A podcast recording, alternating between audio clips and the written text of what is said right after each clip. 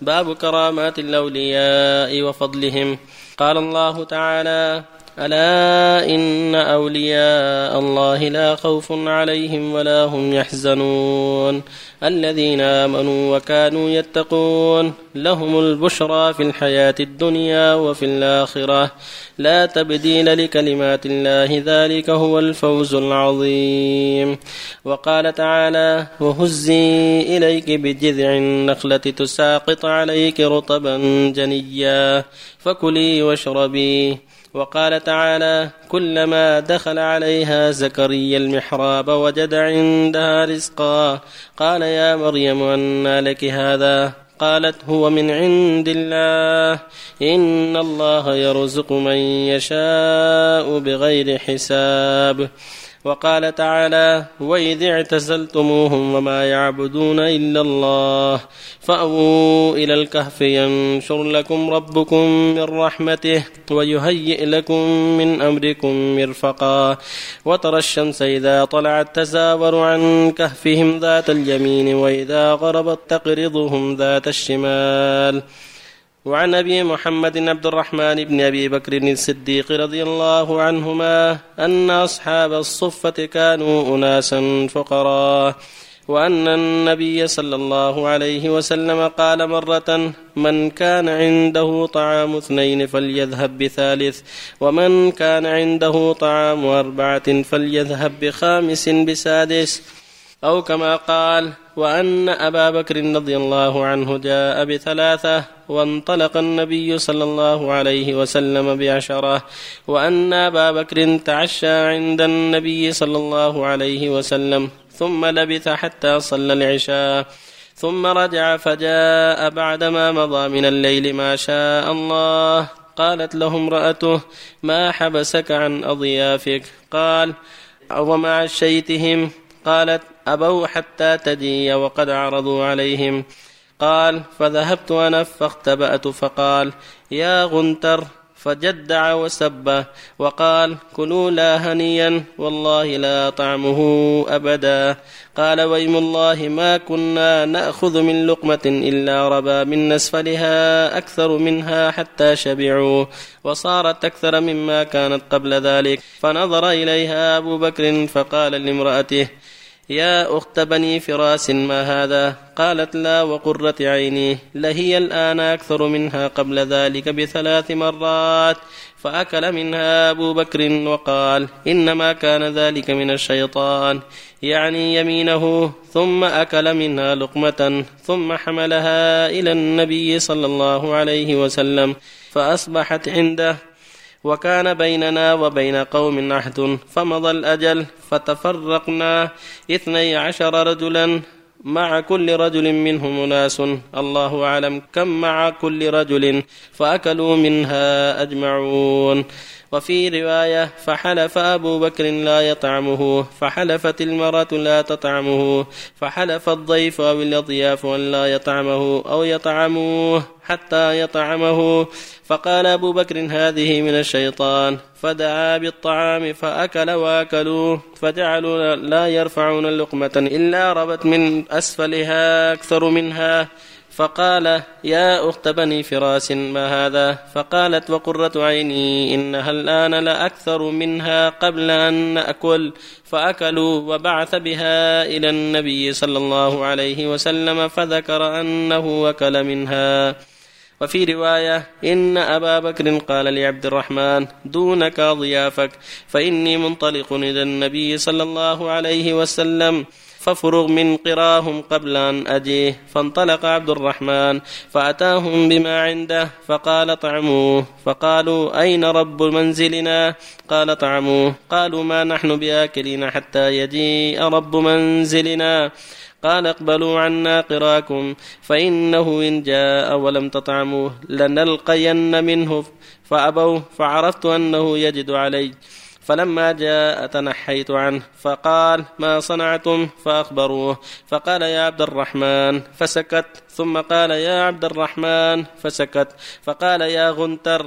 أقسمت عليك إن كنت تسمع صوتي لما جئت. فخرجت فقلت سل ضيافك. فقالوا صدق. أتانا به. فقال إنما انتظرتموني. والله لا أطعمه الليلة. فقال الآخرون والله لا نطعمه حتى تطعمه. فقال ويلكم ما لكم لا تقبلون عنا قراكم. هات طعامك. فجاء به. فوضع يده فقال بسم الله. الأولى من الشيطان. فأكل وأكلوا. متفق عليه. وبالله التوفيق الحمد لله. وصلى الله وسلم على رسول الله وعلى آله وأصحابه ومن اهتدى بهم أما بعد هذه الآيات الكريمات مع الحديث المذكور كل ذلك يتعلق بكرامات الأولياء. والكرامات هي الخوارق خوارق العادة التي يخلقها الله لأوليائه وهو أن يحدث أن يحدث شيء خلاف العادة شيء ينفعهم شيء ينفعهم خلاف العادة من بركة طعام من وجود شيء ينفعهم من كفايتهم من عدو خلاف المعتاد إلى غير ذلك. والله جل وعلا يقول سبحانه في كتابه العظيم ألا إن أولياء الله لا خوف عليهم ولا هم يحزنون الذين آمنوا وكانوا يتقون. يعني هم الذين آمنوا هؤلاء هم أولياء الله. أولياء الله هم أهل الإيمان والتقوى والصدق ليسوا أهل التصوف والخرافات. أولياء الله هم أهل الصدق أهل الإيمان وأهل طاعة الله ورسوله هم أولياء الله. كما قال تعالى وما كانوا أولياءه إن أولياءه إلا المتقون. فأولياء الله هم المؤمنون ولهم كرامات يكرمهم الله بها عند دعاء الحاجة إليها أو الحجة عند إقامة الحجة أو عند الحاجة يحصل لهم كرامات تخرق بها العادة إما طعام في غير وقته فاكهة في غير وقتها أو طعام من غير سبب واضح أو غير ذلك أو زوال كربة من غير سبب واضح أو هلاك عدو من غير سبب واضح أو أشبه ذلك. من هذا ما ذكره المؤلف؟ قصة مريم وهزي إليه من النخلة. وكذا قصة كل ما جاء زكريا وجد عندها رزقا. جاء في التفسير أنها ترى يأتيها فاكهة الشتاء في الصيف وفاكهة الصيف في الشتاء. ما يدرى من جاء بها. رزق من الله ساقه الله إليها. وهكذا قصة أهل الكهف وما فعل الله بهم حماهم مدة طويلة ولم يموتوا على مدة ثلاثمائة سنين وازدادوا الساعة وهم نيام لا أكل ولا شرب. هذه من آيات الله. ثم الشمس تداور عن كان ذات اليمين وذات الشمال حتى لا تضرهم. وهكذا ما يروى عن عن خبيب لما قدم خبيب الذي أحد السرية الذي اشتراه أهل مكة ليقتلوه. كان مسجون عند أهل القتيل.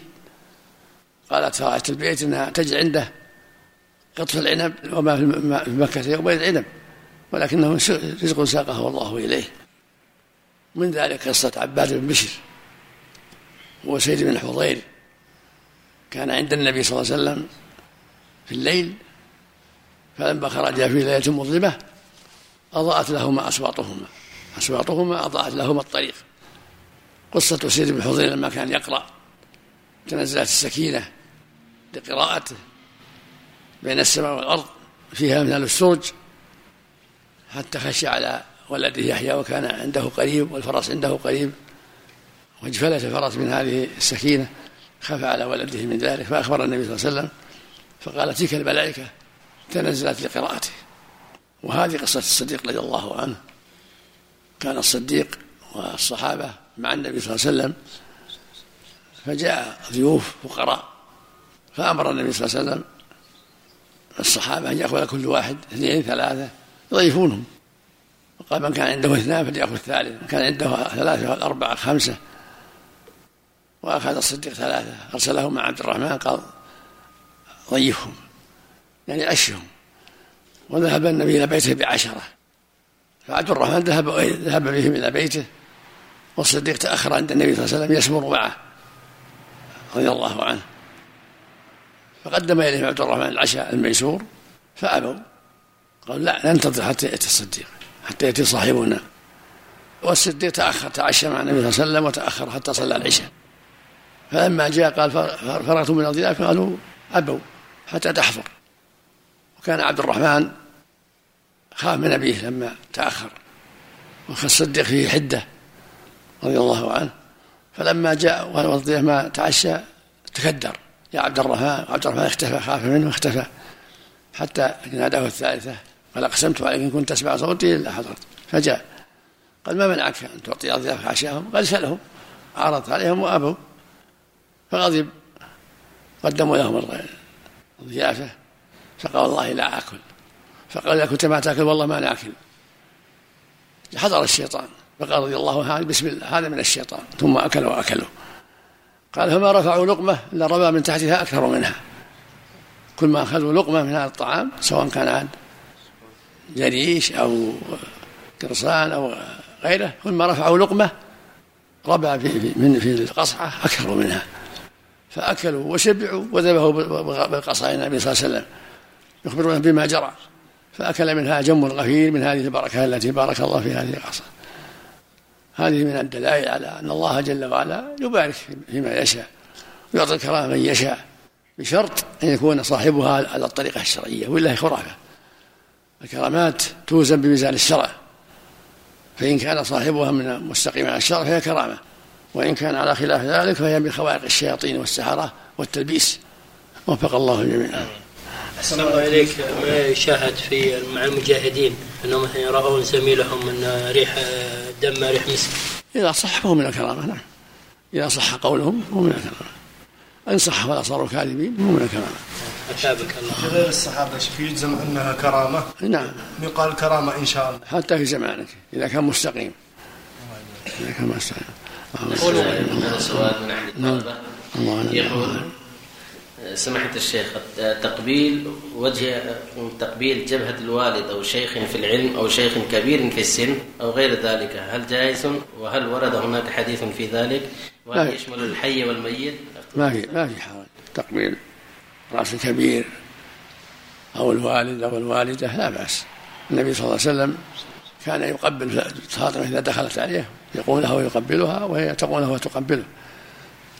والصديق رضي الله عنه لما قدم والنبي قد توفي وسجي كشف الغطاء عن وجهه وقبل بين عينيه وقال بأبي, بأبي أنت وأمي لقد طبت حيا وميتا. اللهم صل عليه وسلم. إذا كان محرم أو رجل مع رجل أو امرأة مع امرأة أو محرم يقبل أمه أو أخته لا بأس. قوله غنثر أحسن الله إليك. ما معنى غنثر؟ كلمة شجر. كلمة شجر. كان يقول يا غادر ويا كذا. نعم. ما معناته مكتوب عندنا غبي أحسن الله إليك. مكتوب عندنا الغبي. محتمل. راجع كتب اللغة. المقصود زجر الله جدع فجدع. عندما يعني سبهم سبهم.